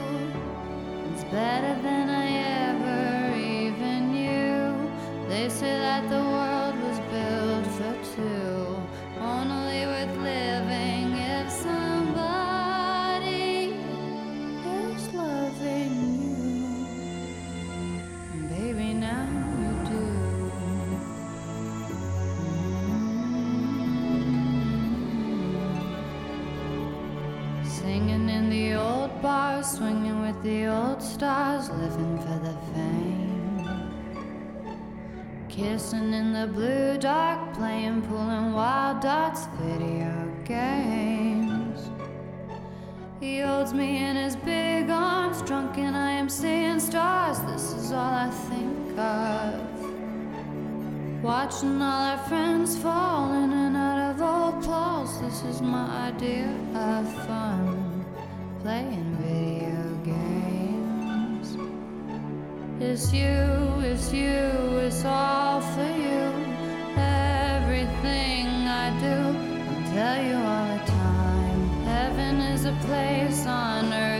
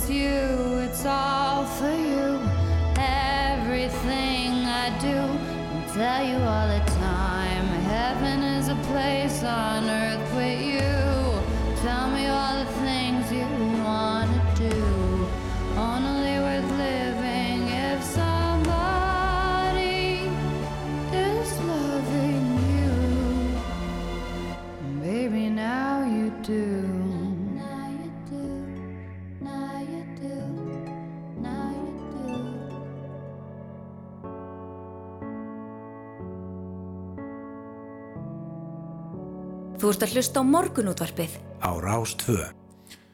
Jújú, videogames með Lönudel Rey en uh, venju samkvæmt fyrir við fréttir vikunar á fyrstutöfum beint eftir áttafréttir og uh, já, heiða Kristín Helgadóttir, framkvæmdastjóri kominninga til okkar, góðan daginn. Góðan daginn. Valur Grettisson, uh, Rísur Reykjavík Greipana að koma sér fyrir. Yes. Uh, við ætlum svona að beina, já sko við byrjum bara á því að ræða eins þessar sveitastundarkostningar sem fóru fram síðustu helgi og það eru meira hluta viðræðir núna. Uh, þú náttúrulega tekið þátt í, í kostningabarátum. Uh, hvernig fannst þér öll, öll baráttan og, og, og kostninganóttin sjálf? Sko, hérna, ég kannski varði ekkert rosa mikið vör við þetta. Ég var reyndar erlendis mestanpartin af, af hérna apríl og byrjun mæ þannig að hérna en þú veist, maður verður nú samt alltaf var við þetta bara svona helst í gegnum samfélagsmiðla árið í dag. Og mér átti ekki einmitt fá mikið af svona áráður þar nema bara svona frá einstaka frambjóðundum sem maður er vinnur á Facebook eða Instagram eða eitthvað. Þannig að þú veist uh, ég, svona, já, ég áttaði mig einhvern veginn ekkert alveg á því hvað línur þetta væru eða hvað væri í gangi sko. en svo svona þegar ég fór aðeins að kynna mér þetta þegar ég svona nær dró þá svona kannski tilfinningi sem kemur tímann sér svona þetta var nokkuð svona litlust þú veist, það voru engin svona það voru engin svona stór mál sem komu upp sem á einhvern veginn var einhvern veginn verið að kasta boltanum á milli var kannski svona eitthvað bara svona með personur einstakar frambjóðanda einhvern veginn meira sko. Um, og kostninganóttin, já, ég fór nú bara að sofa klukkan 12 sko, ég er með eins og skamall batn og Já.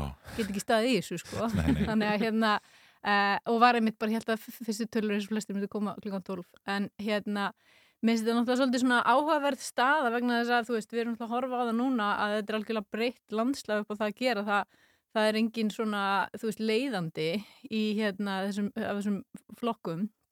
Þannig að það er engin, þú veist, jú, það er alveg einhverjir, alltaf eins og alltaf er, þú veist, er einhverjir sem vinna og einhverjir sem tapa en svona í stóru myndinni þá kannski er það ekkit alveg þannig því að það er erfitt fyrir einhvern svona, þú veist, eh, að eh, grípa einhvern veginn boltan og hlaupa áfram meðan um, og hérna mér finnst einhvern veginn staðan vera svona, sem, svona núna þannig að hérna uh, það eru svona þeir meirhluta sem að væri hægt að mynda uh, er ekkit endilega svona uh, já, svona uh, þú veist, er ekki, er ekki þannig að það sé eitthvað svona drauma meirhluti í kortónu fyrir mig sjálfa til dæmis Mhm. uh, út frá mínum svona hérna, gildum og viðmum og það sem ég vil sjá gera til Reykjavík uh, en ég held við séum líka bara svona stað þar sem að fólk verður aðeins bara að gera sig í brók og svara símtölum og, og hérna klára þessi mál einhvern veginn sko. Já, já, einmitt.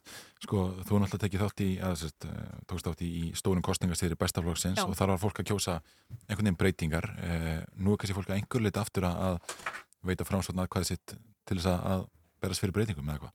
Já, ég held að það sé klárlega hérna, einhver krafa um það og skiljanlega vegna þess að nú erum við náttúrulega búin að horfa á það að hérna, uh, þessi, um, þessi stað er búin að vera þannig að samfélkingin er búin að vera í einhvers konar meirluta í næstu í tvo áratugi og búin að bera ábyrð árið á svo stóru málaflokkum eins og skólamálum og velferðarmálum og miklu leiti líka svona haft veist, framgöngu í þessum skipulagsmálum sem hérna annarkort hafa verið, sko, hérna hefur dag verið formað borgaráðs eða borgarstjóri sem að hérna svona leiðir þetta svolítið áfram og um, óháð öllu, þú veist, uh, það, þú veist, persónum og leikendum þar, þá er það bara engum holdt að vera svona lengi við völd. Og það sem að ég held að sé svona ekki góð staða ef að dagun er að mynda eitthvað meiri hluta í kringum eitthvað svona smáflokka, þess að minniflokka um, sama hverju þeir eru eða taka til sín framsóknarflokkin sem er gjörsamlega reynslulaus flokkur sem að hérna, e, ég hef aldrei trú að ég myndi sjálf segja því að ég hef staðið að því að koma mjög reynsluleiklum flokkum að völdum þá hérna, held ég að það sé ekki gott að halda áfram á, á þessari braut vegna þess að það sem við erum að horfa fram á í Reykjavík núna næstu, næsta kjörtífambil er einmitt sko þær skiplasáallanir sem að var hérna, sem að komu til um, kom, sérst, voru samþýttar á því kjörtífambili eru núna í raun og vera að verða að raungerast. Þannig að framundan eru alveg gríðarlega stórar framkvæmdir og þá er ég ekki bara að tala um húsnæðismál, heldur líka bara innviða framkvæmdir, þú veist, eins og til þess að koma borgarlinnu fyrir, þá þarf að fara í stokk af, sæbrutina, það þarf að fara að stokk við miklubrutina. Veist, þetta er ekki eitthvað sem þú gerir uh, í, um, með, með einhverjum, hérna, uh, svona, uh, einhverjum hóp sem er samansett rosalega ólíkum áttum, þú þarft eitthvað svona styrk í þetta úr því sem komið er. Þetta er þú veist niðurstöðunar í kostningunum ég er ekki, eins og ég segi, þetta er ekki mín drauma staða Nei, nei. Þannig að þú veist ég, ég held að það væri mjög gott fyrir dag að taka upp síman og, og ræða við, við sjálfstæðisflokkin í þessari stöðu og reyna að mynda þarna einhvern svona sterkari meirhluta og slíðra þessi sverð vegna þess að það sem er framöndan í borginni eh, er eitthvað sem ég held að fólk gerir sér ekkit almennilega grein fyrir því að þú veist ef okkur þú til framkvæmdur á hverfiskötunni erfiðar bara býðir bara Valur, er þetta rétt hjá heiðu? Þarf að mynda hér að sterka meira hluta samfélgingar og sjálfstæðarflokks? Uh, mér finnst það mjög frumleg hugmynd sko, ég sé það ekki gerast, það er ekki raunhæft, mér finnst sjálfstæðarflokkurinn, hann er svolítið svo stærsti lúser uh, þeir vilja meina þessu stærst en þau eru aldrei ekki búin að vera í borgarstjórn til 2008, þau eru hérna með lélegustu kostningu síðan nokkuð tíman og veist, þegar við erum að tala um breytingar þá er ekki verið að byggja um Kjartan Magnússon og hérna, Friðun R. Friðunsson sko, uh, þó að Hildur sé svona mjög öflugur leitt og ég verist að vera mikil óeining innan uh, listans sjálfs. Ég held, maður sáð mér þess að í kostningabartinni sjálfri það var, reyndar var, þetta var svolítið ábærandi á öllum flokkum í þessu, þetta var ekkert endilega sjálfstæðarflokkurinn en það var, fór ekkert fyrir mjög reynslu miklu fólki sjálfstæðarflokkurins og listanum sem er mjög svona yfirlýstir anstæðingar til að mynda þeirra uppbyggingar sem mm. teða Kristján að tala um. Þannig ég sé ekki fyrir mér að þeir sko, þó að Hildur verið með svona frjálslinda ásjónu þá er restinlega ekki sko. Og það er náttúrulega, það er náttúrulega benda margast á þetta svo sem sko. Þannig ég sé ekki alveg flötin fyrir samstarf með því samfélgjarnir til að mynda á sjálfstæðarflokksins nema þá kannski við, við Hildi. Og ég held að Hildi sé ekki einræði í flokknum ekki ennþá allavega. Og, hérna, og það gera það verkum þetta samstarfi er mjög flókið. Ég held að það er og ég, held reyndar að þetta myndi kannski reyna meira á hugmyndirnar og allt, allt það sko. En ég held að hlutinni myndi gera bara hægar. Og auðvitað alveg rétt að það þessi meirhundi sem er núna að fara frá er náttúrulega búin að vera svolítið lengi sérstaklega samfélgin alltaf við völd sko. Það er ekkert holdt í neinum. Það er líka alveg rétt sko. En yngaður síður, þegar kemur á pólitíkinni þá er allan að sko svona hinsigur í kostningarna, er auðvitað pírataflokkurinn Mhm. þannig að píratar og framsókn eiga þokkala saman píratar eftir aftur á móti líta svo á að sjálfstaflokkurinn sé svo hvað, spiltur að hérna, hann getur ekki hérna, Það er auðvalds... Nei, það var, Nei, það var- það var En er samt framsóknarflokkurinn ekki auðvaldsflokkur. Nei, einmitt, þetta er, þetta er allt svo, þetta er, þetta er orðið svo rugglingslega sko, veit ekki hvernig maður á að nálgast þetta sko, en píratar náttúrulega lítur svo á þessi svo spiltir og þeir hafa ekki ennþá gert upp einhvern veginn fortíðina, þeir hafa ekki alveg tilgreint hver svo fortíð er heldur, þannig að þið gefa, þetta er svolítið svona smá me too, þú veist ekki alveg svona hvernig þú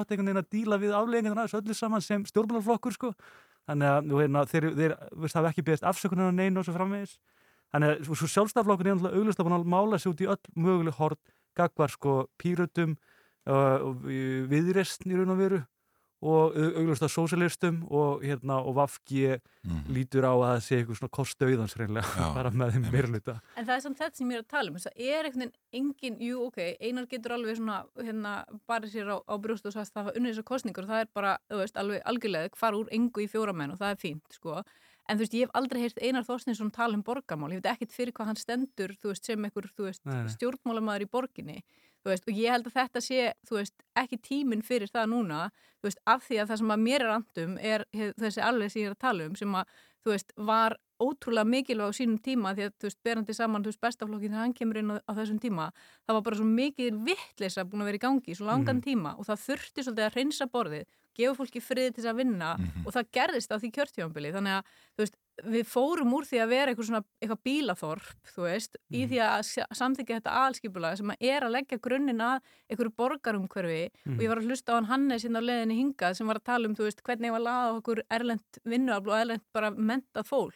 Við gerum það ekki með því að halda eða fara tilbaka uh, og hérna sinna ekki því að byggja henni upp raunverulegt borgarsamfélag. Og í því felst að þú veist byggja upp borgarlínu og gera alla þessar hluti sem að sama hvað fólk segir í ykkur kostningabaratu eða í ykkurum upprópunum þú veist, í ykkurum greinum þú veist, ef þú fer og kynnir þér málið sem bara veist, meðvituð manneskja þá drek, drekkur þetta kúleit á endanum þú veist, þó að Mhm. eitthvað verði, eitthvað verði breytt, þú veist, þá er þetta samt komið á eitthvað ákveðina braut og þessu verður ekki snúið við og það væri hræðileg þróun, þess svona, þú veist, finnst mér eitthvað svona meirita viðræður sjálfstæðisflokks og allra hinna hann í kring, minnst það hræðileg hugmynd því að ég held að það myndi vera vond fyrir þetta.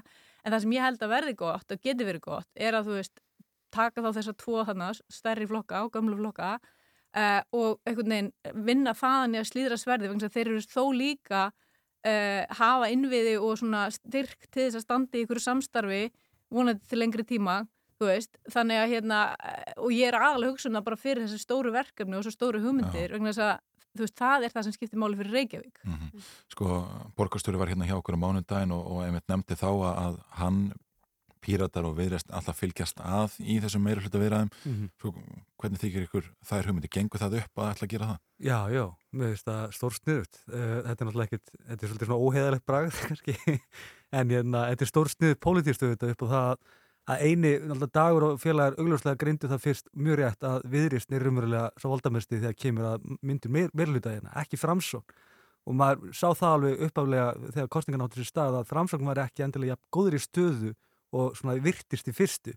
Þeir eru vissulega svona sigur er kostningana en, hérna, en þegar svona ákallum hérna, breytinga kemur frá framsnarflokknum það er svona, það er svona uh, svolítið nýtt í, í mínum huga kannski sko svona, nú er hún snorrabúð róttækur- stekkur. Það er ekki rótakur breytingaflokkur ekki mjög róttakur breytingaflokkur keiri svolítið á stöðuleikanum Já, og virðast vilja allt, bæði þetta og þennja út og, og. Það er bara og sammála bæði- síðasta ræðumanni og þú veist, það er bara ekki það sem þurfum. Akkurat. Og hérna og málið er náttúrulega að sko viðreist, píratar og, og hérna samfélgin hafa þetta auglustlega unni mjög vel saman. Og líf þeirra er ekki hérna, þetta er bara, þetta er raun og verið bara klókt, það er ekkert annað, ég meina, þú veist það er eitthvað að það gaggrina þannig sérstaklega en hérna, en, En er, er það eðlilegt akkvært borgarbúum að gefa viðrest þessa vikt á meðan framsóttin með fjóra menn inni? Það er sjálfur sér bara ekki pólitík, þú veist, þetta er bara hvernig þú getur spilað úr aðstæðum sem þú ert í, skilur um, en þetta er náttúrulega líka auðvitað bara dagur svolítið held ég að klukka þessa félaga sína til þess að svona gefa sér eitthvað tíma. Og það er annað, ég meina dagur er afskaplega slingur stjórnmálamæður, þú veist, hann er, eins og ég segja, hann er búin að vera þarna við völdi í tvo ára tugi og það er ekkit margir sem að hafa það uh, bakvið hérna, eða bara já, í, í, í, sínu vopnabúri. Og annað í því er líka, þú veist, að, að hann kann að gera svona, hann kann að taka inn þessa svona þú veist, eh, þessa hópa og, og hafa það nálægt sér. Eh, en hann kann líka að beita þessu stjórnkerfi og það má ekki gleyma því að þú veist, að því hann er búin að vera þarna svona lengi þá þekkir hann þetta stjórnkerfi út og inn og þetta eru bara, þú veist, eins og gerist bara persónulegi vinir Já. uh, og það er mjög erfitt fyrir eitthvað sem er fullkomlega reynslulaus eins og Einar Þorstinsson að stíga inn í eitthvað svoleiðis umhverfi og ætla að skapa sér eitthvað stöðu Mm. því að hérna dagur bara á þetta?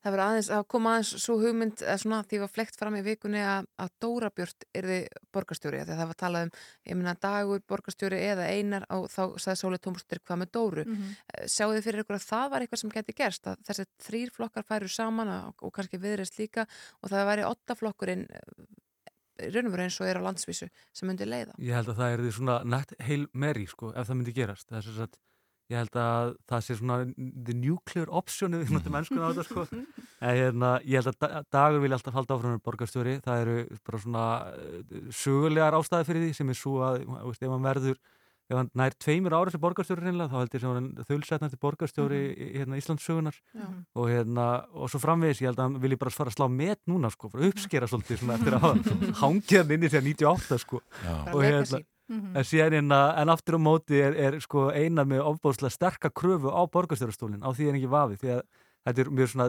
svona nýtt trikk skilur að, hérna, að uh, gera það þannig að breytum borgarstjóra en breyta litlu innan meirihlutans Já. og hérna, og bara í raun og veru að gefa honum andlisliftingu og eina þorstið sér óneitilega myndaleg andlislifting glæsilegu maður og hérna, en aftur á móti þá hérna er engin vafi á því að hérna, að sko svo, barátt á milli þeirra á eftir að verða slík að hérna Ég held að sko, eina vilji öruglega allan, allan tíma sem borgarstjóri uh, dagum myndi bjóða uh, tvö ár í Mhm. besta falli og svo ef allt fer í klassu þá er bara en pappa með Dóru Já, ég held að geta alveg verið eitthvað svona leikur í ykkur stöðu en ég held að sé alls ekki svona eitthvað fyrst á teikniborunni því Nei, miður, þú alls veist, ég er alveg sammála því að þú veist, ef ykkur er, þú veist, líka sigurveri í þessu, þú veist, þá eru píratar það því að Já. þeir eru alveg að bæta við sig og uh, þeir eru að líka halda bara kannski tveir svona alfamenn á sik- sikkurum stórum flokknum og, Mhm. og þá geti hún verið eins og segi, þetta er bara lands, þetta er landsmála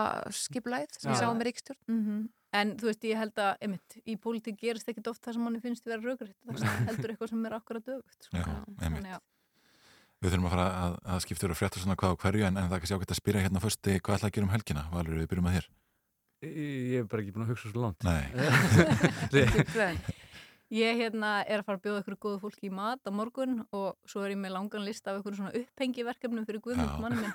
Já, já, já. Hann er sko smiður en hann á rosalega erfitt, ég ætla að segja þetta í útvarpinu svo pressi mér á hann. Hann er rosalega erfitt með að hengja eitthvað upp heima hjá sér. Myndir þá eða? Nei, það er bara, já, myndir, Já. snægi, Já. það þarf að hengja upp Já. þannig að hérna, nú ég til gríðala pressu og sjáum til hvað gerist yfir helgina. Valur, þú getur kannski hjálpað. Já, já, ég, reyndar, ég, er með Það væri tíu þumla þú kæmir, þú veist, og talaður um þetta við Guðmund, þá kannski gerist þetta. En þú vilt ekki taka upp borvilina heiða, bara sína smiðnum að þú getur gert þetta og, og, Nei, skapa við, þannig pressu. við erum ekki með svoleiðis skiptingu Nei, Nei, en- ég, bara, ég bý bara til pressu.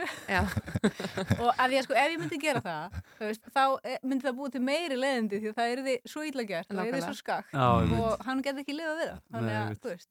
Alltaf maður svo fullkomum, fullkomum leikplan í mínum eirum sko. Takk hella fyrir komin að Valur Grettarsson, Ritstjóri Greipan og Heiða Kristín Helgadóttir, framkvæmtastjóri Við fyrir að skipta að vera á frettastofuna og ræða svo eitt og annað meðal annars þá starrend að Íslendingar borða of lítið af kolvetnum Já, þurfum að taka þetta til okkar. Já, ótrúlegt. Hlustu nú vel. Hlusti nú vel sem að ræða það við hennar Jóhunu Eirun Torfadóttur verkefnastjóra næringar hjá landlæknins embattinu Já, og síðan ræðum við framkvæmdastjóra Lífursjóðsins Byrtu hér í lok þáttar um svona, hérna, um svona áherslunakröfu þar og, og eh, Samfélagslega ábyrgð. Já.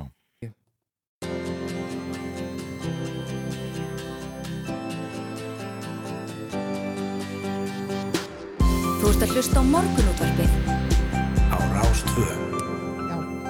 Á tíunda áratögnum fundu megrunar gúruar heimsins allt að neyslu á fytu, tóldi hana upp á og endi eitthvað svo holdafars vandamáls hér á vesturlöndum. Í dag eru það blessuð kolvetnin sem fólk forðast í lengstu lög viljið að stjórna þingdini, en það er eins og er alls ekki svona einfalt. Í nýleiri alþjóðleiri rannsótt komist vísindamenn að því að þeir sem voru að fá minn en 40% orkusina frá kolvetnum voru með 20% hærri dánatíðni en þeir sem fengu að bylunu 50-55% orkunar frá þessu sama næringarefni. En nýleiri rannsótt landlægnsembættisins komst hins vera því að Íslendingar einfallega borði allt og lítið af kolvetnum. Það er alla jafn að fá við um 37% af orku okkar úr, úr þeim. Hún er komin ykkar til okkar Jóhanna Eirún Torfadóttir, verkefnastjóri næringar hjá landlægnsembættinu. Þú hjertanlega velkomin. Fyrir. Sko, uh, þeir vera allt allt umkring, e, samfélagsmiðlum, fjölmiðlum, allstar eru að tala um skaðsemi kolvetna, hvað þau eru fytandi, uh, hafi slæma áhrif á heilsuna og svo framvegis, en svo er þetta bara, já, nánast fyrir öfut farið. Kolvetni er samheiti yfir svo margt. Sigur er eitt, eitt form af kolvetni og við viljum ekki fólk að borða mikið sigri, ekki selgæti, kökur, keksi eða góstrykkir. Þannig að það er alveg raugrétt að að varast þessi matvæli, borða þau mjög hóflega eða sleppa þeim. En, en það eru bara til önnur kolvetni sem er mjög góð, þannig að þetta snýst um gæði kolvetna og þá erum við alveg að horfa í uh, matvæli sem innihalda mikið að trefjum og þá oft, þá yfirlt inn, innihalda líka mikið af vítaminum og steinefnum og jurtaefnum. Þannig eins og ávestir, grammeti, heilkotnavörur og bönir, þetta er allt mjög góðir kolvetnagjafar. Mm. Þvert, á, þvert fyrst öfugt við það að selgæti er ekki góður kolvetnagjafi. Þannig að við verðum að gera greinamun á matvælánum, ekki bara að horfa á yfirflokkin. Nei. Og af hverju heldur að það hafi ekki verið gerðið þessi greinamunur áður? Ég er einhver áttam ekki á því, þetta kemur ekki, þetta kemur ekki frá hinu ofinbera Nei. að hérna, það er að varast öll kolvetni og hefur aldrei verið. Eru við kannski oft í einhverju svona ofur einföldun það kemur að um, næringu? Já, og reyna að búa til eitthvað svart og hvít. Þannig að hérna, bara eitthvað sé alveg hræðilegt og annað ekki, meðan þetta snýst svo mikið í jafnvægi. Það er yfirlt þannig með matvæli, eða þessi þegar við skoðum næringarefnina, það er oft svona ulaga samband, þannig að ef við fáum á lítið þá er það slemt, ef við fáum á mikið þá er það slemt. Já. Þannig að við þurfum að vera einhverstaðarinn í miðjunni. Og það er svo erfitt fyrir marga að skilja að við þurfum að vera með eitthvað, eitthvað jafnvægi í staði fyrir að, að, að sleppa einhverju. Mhm. Þannig að það er oft hérna, ég meina, það getur kannski bara líka oft verið að reyna að búa til eitthvað pínu flókið eða ekki til þess að selja fólki eitthvað, Mm. bara hérna ráðgjöf til dæmis. Það er hansi margir sem eru á eitthvað svona ketomataræði eða lágkolvetna mataræði og það er fólk að neyta sér um hérna ýmsu ávegsti og ber því að þau séu kolvetnarík. Uh, er það að þínu mati, svo ég tæki bara stortur orða, bara þvættingur að sleppa ávegstum, berjum eða öðru svona úr uh, júrtaríkinu sem að, að hinga til hefur þótt holdt en er núna einhvern veginn að bannlista í ketomataræði? Já, ég, ég sé ekki rökin fyrir að sleppa því. Ég veit Mm. ekki hver ætti að vera ástæða. Nei. Við viljum að fólk borði fjölbreytta ávöxtum og grammit á hverjum degi eða 500 gram á dag og Íslendingar, það er 2% Íslendinga sem ná að borða 500 gram á dag af, af ávöxtum og grammit. 2% sem ná ykkar viðmiðum hjá landlækningssamhættinu? Já. Og ég gerir það fyrir að þú náður þeim? Já, ég get alveg, ég, það, það geta verið dagar þar sem maður kannski gleymi sér. Maður En þarf að leggja hérna- sér fram til að ná þessu magni. Já, og, og oft er þetta líka bara að hafa gott aðgengi að mitt hátegismat, það sem er líka salatbar og, og hérna bara við séum meðvitað að setja alltaf þegar þú ert með diskiðinn þá er alltaf að hugsa eitt þriða diskinu með að vera ávistur og græmiti. Já. Bara þú veist að sitja matið einn. Já, já. En hver eru enginni þess að borða of lítið kolvetni? Það er engin bein einkenni af því nema náttúrulega sumi geta lendi í svo kvöldu blóðsíkusfalli sem að er enda gerist alveg að hérna fólk bara, einmitt hefur ekki nóg á glúkosa í blóðinu og ekki næga byrðir en, en líka minn aðlagast og það er náttúrulega það sem er búið að vera að gera mikið það er að vera að reyna að láta líka mann brenna meira fytu en, en langtíma rannsóknir sína ef þú ætlar að taka út svona mikið af kolvetnum að þá er það ekki gott fyrir heilsuna því að heilkotnavörur eru bara til þess að gríðarlega mikilvægur fyrir okkur. Mm -hmm.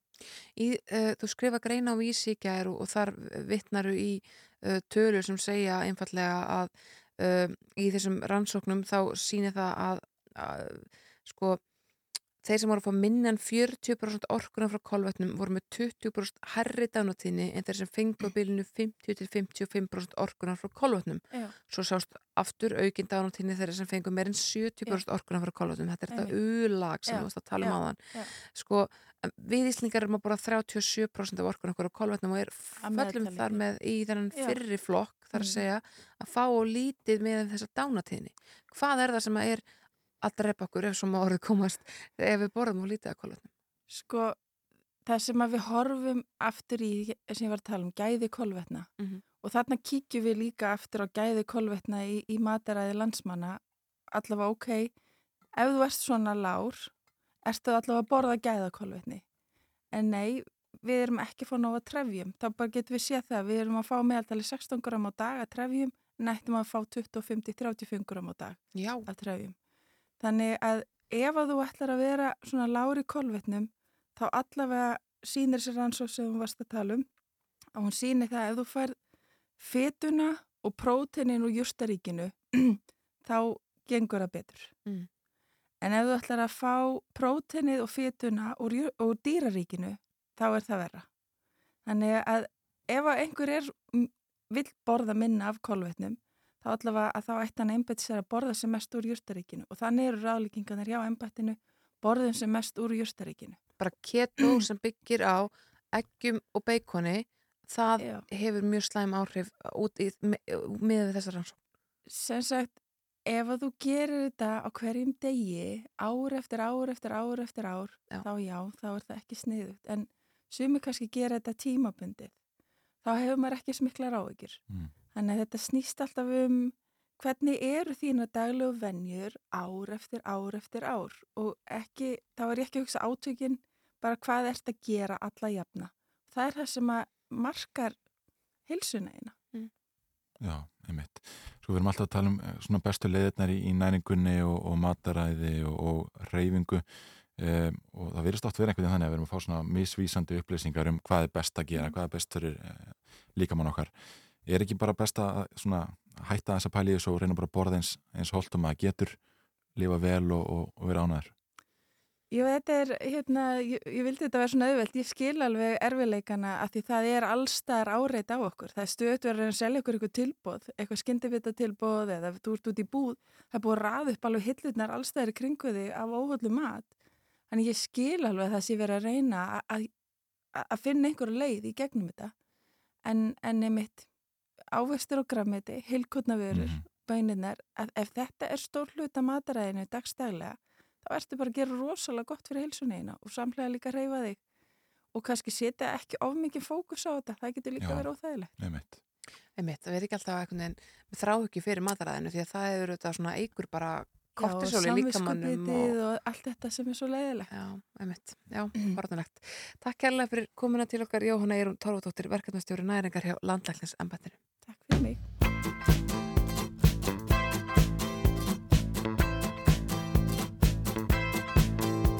Það voru hjón á vestfjörðum sem hétu Þorvaldur og Lína áttu fyrir skuldunum og allt var í þessu fína. Valdi hann var skapari, Lína vann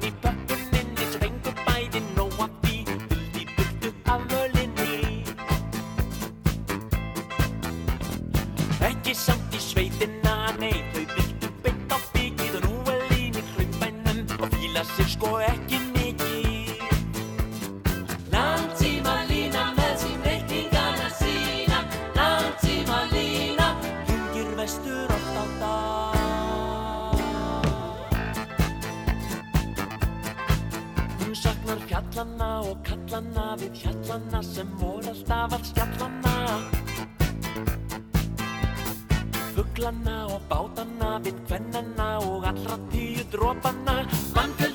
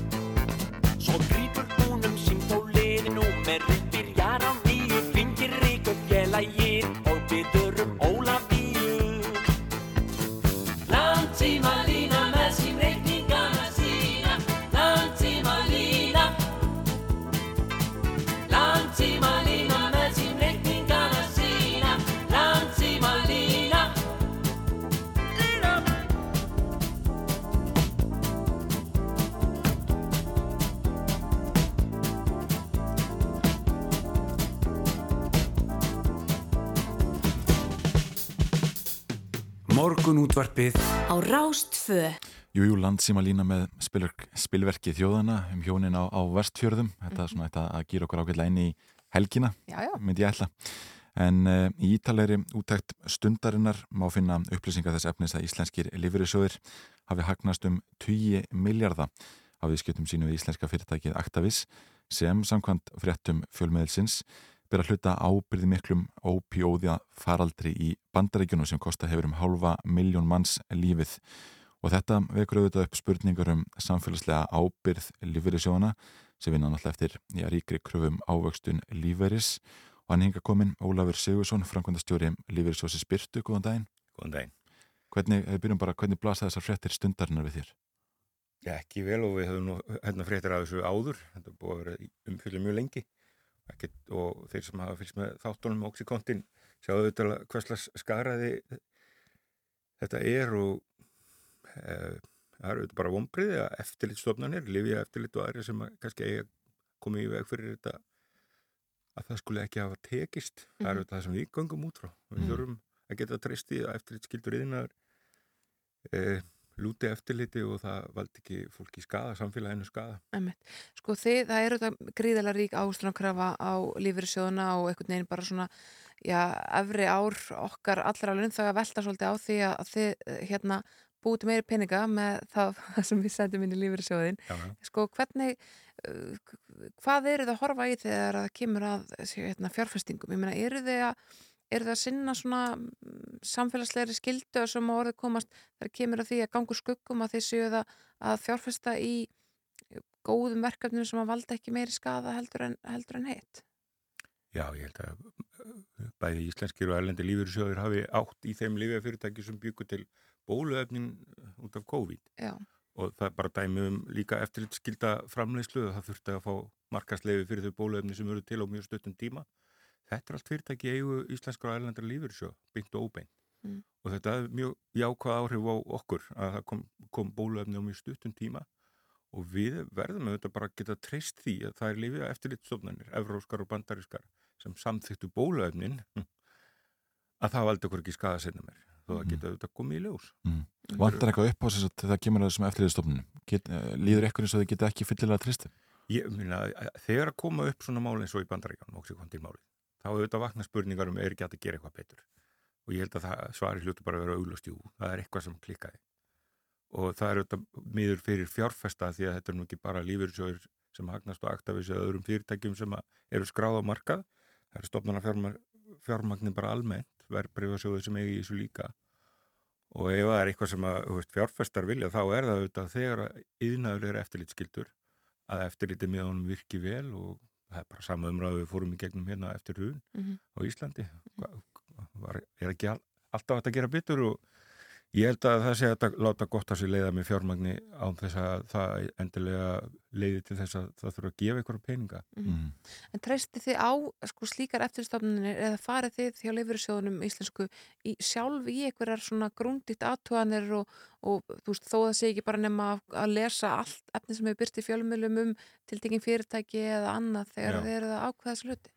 Í auknum mæli er, að, eru fyrirtæki að byrta svo kallar sjálfbærni skýslur, samfélagsskýslur og það er tilkomið vegna eh, þrýstings frá stopnana fjárfestum, lífyrsjöfum, tryggingafélagum og öðrum sem að vilja sína þess ábyrð Já. og kalla eftir upplýsingunum eh, hvað er verið að gera til að sportna við spillingu innan skipulagsheildarinnar og þetta er að byrtast okkur í meira mæli og alveg þetta, jafnvel, sem við vilja tala um sko bara stóra breytingu á tíu árum og sem byrtist okkur í svo kallum UFS upplýsingum, það er að segja ESG á ennsku, að það er verið að eh, byrta okkur upplýsingar um áhrif við- viðkomandi fyrirtækis á umhverfi, á samfélagið og hvernig stjórnarhættir eiga að tryggja okkur eða hvernig stjórnarhættir í fyrirtækinu eiga að koma í veg fyrir að við hérna, verðum, verðum fyrir tapi og samfélagið verðum fyrir tapi vegna eh, slægra stjórnarhátta. Þetta er bara eitthvað sem gerist á síðustu tíu árum. áratugi. sko, í, í svona nánast í veldisvexti, já. Og það er þetta ennþá rökraða hvaða upplýsingar er það sem skipta máli. Já. Er, græn, þið þekki orðið grænþóttur. Já. Það er auðvitað verið að reyna að sporna við því að inn í þessum skýslum sé bara einhver vittlisa. Já. Það sé bara að vera að dæla einhverju, hérna, hérna einhverju, einhverju sápu á okkur. Já, já.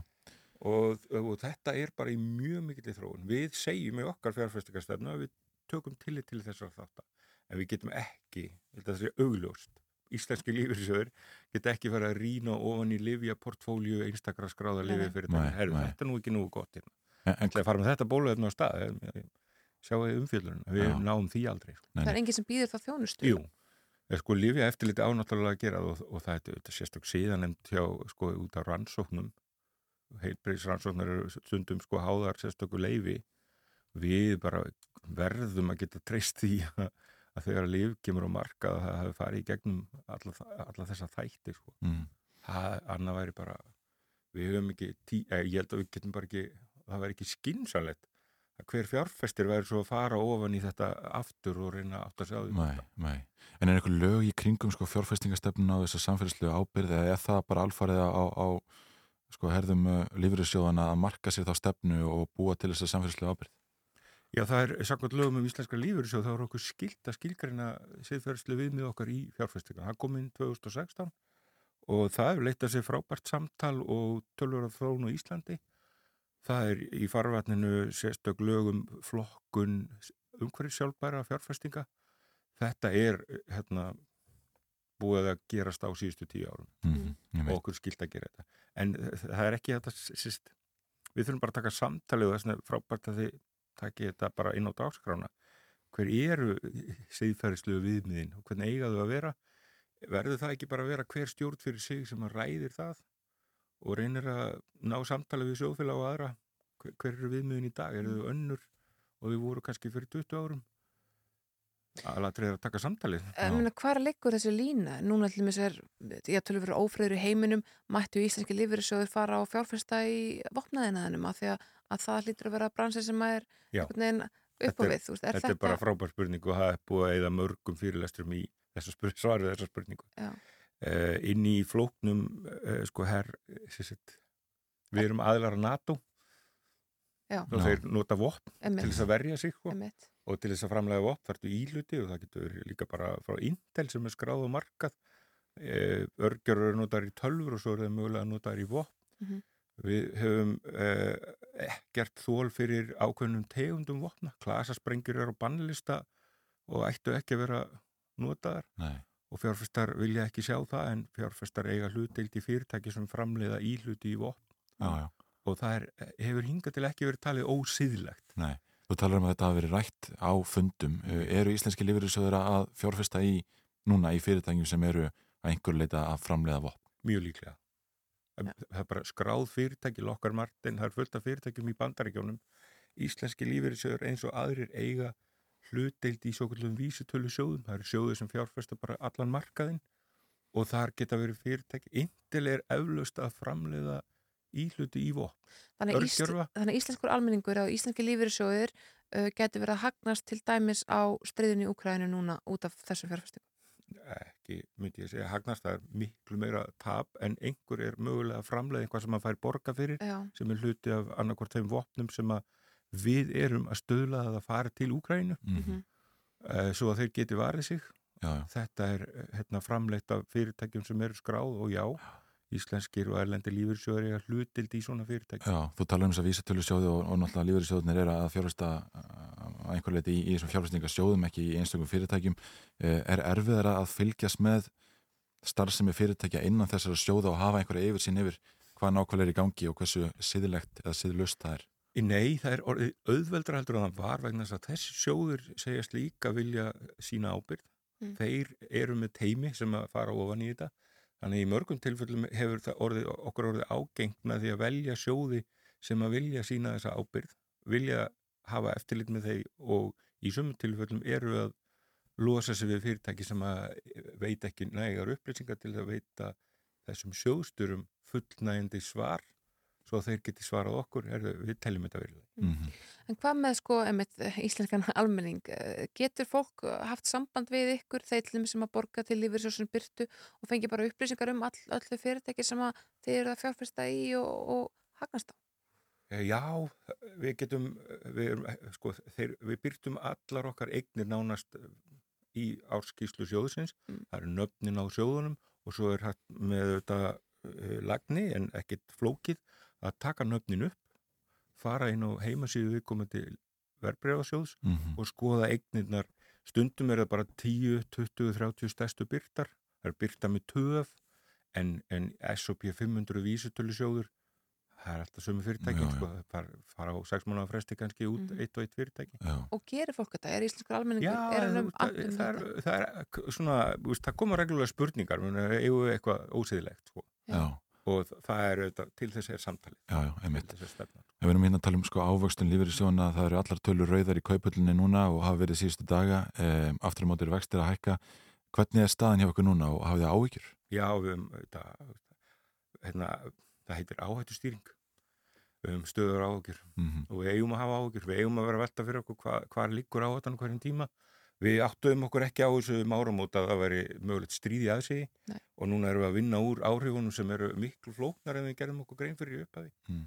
En, en þau eru bara, held ég, komin til þess að vera í svolítið tíma. Já, en eru að fara í aðrar fjárfestingar þá? Já, við erum, við erum ökkar lítið líka hægja á sömum fjárfestingum af því að við erum auðvitað bara að fjárfesta til lengri tíma og það er ekki gott að bregðast alltaf við öllu sem að gerist bara og, en það er, En það er erfitt að horfa á rauða tölur í kaupallinni. já, nei, það, er, það geta líka myndast tækifæri sko. Já. Mhm.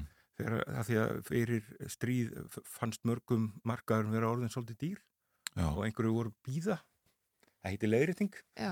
Það þarf ekki endilega því að hrun en það getur alveg verið við þurfum bara að hafa bein í nefinu og dug til þess að fara í fjárfestingar þegar við höfum bara metið áhættuna þannig að þetta er ekki þetta er ekki að fara sko nýr í núl Nei. en tímasetning er bara alltaf ógeðslega erfið Já, já. við höfum bara notað orð. Algjörlega, þetta er mjög forrættunlegt. Ólafur Sigursson, frangotastjóri í Lífeyrisjóðsins Byrtu, takk kærlega fyrir komuna í morgunúttarpið. Það komið að lokum hjá okkur í dag. Já. Þetta var sneisaföllu þáttur af fróðlegu efni. Einmitt og, og ég þreytist ekki á því að minna að það er þetta nálgast allt okkar efni á rúf.is, uh, öll okkar viðtölu þar og, og um, fréttir. Algjörlega. Og við tökum við ímsum á, ábendingum í gegnum Facebook síður rásar 2 og talupostfangið morgunúttarpið at rás, nei, at rúf.is. At rúf.is, nákvæmlega. Um, við verum hérna aftur á mánudaginn snærós. Já. Um, við ætlum að fá eitt lag í lokin. Þetta er lagið Vesturbæjar Beats með hljósinni BSI. Þetta var valið rocklag ársins á Íslenska síðast. Og Vesturbæða Beats lómar svo fullkomum plan fyrir Já. helgina. Við segjum bara góða helgi.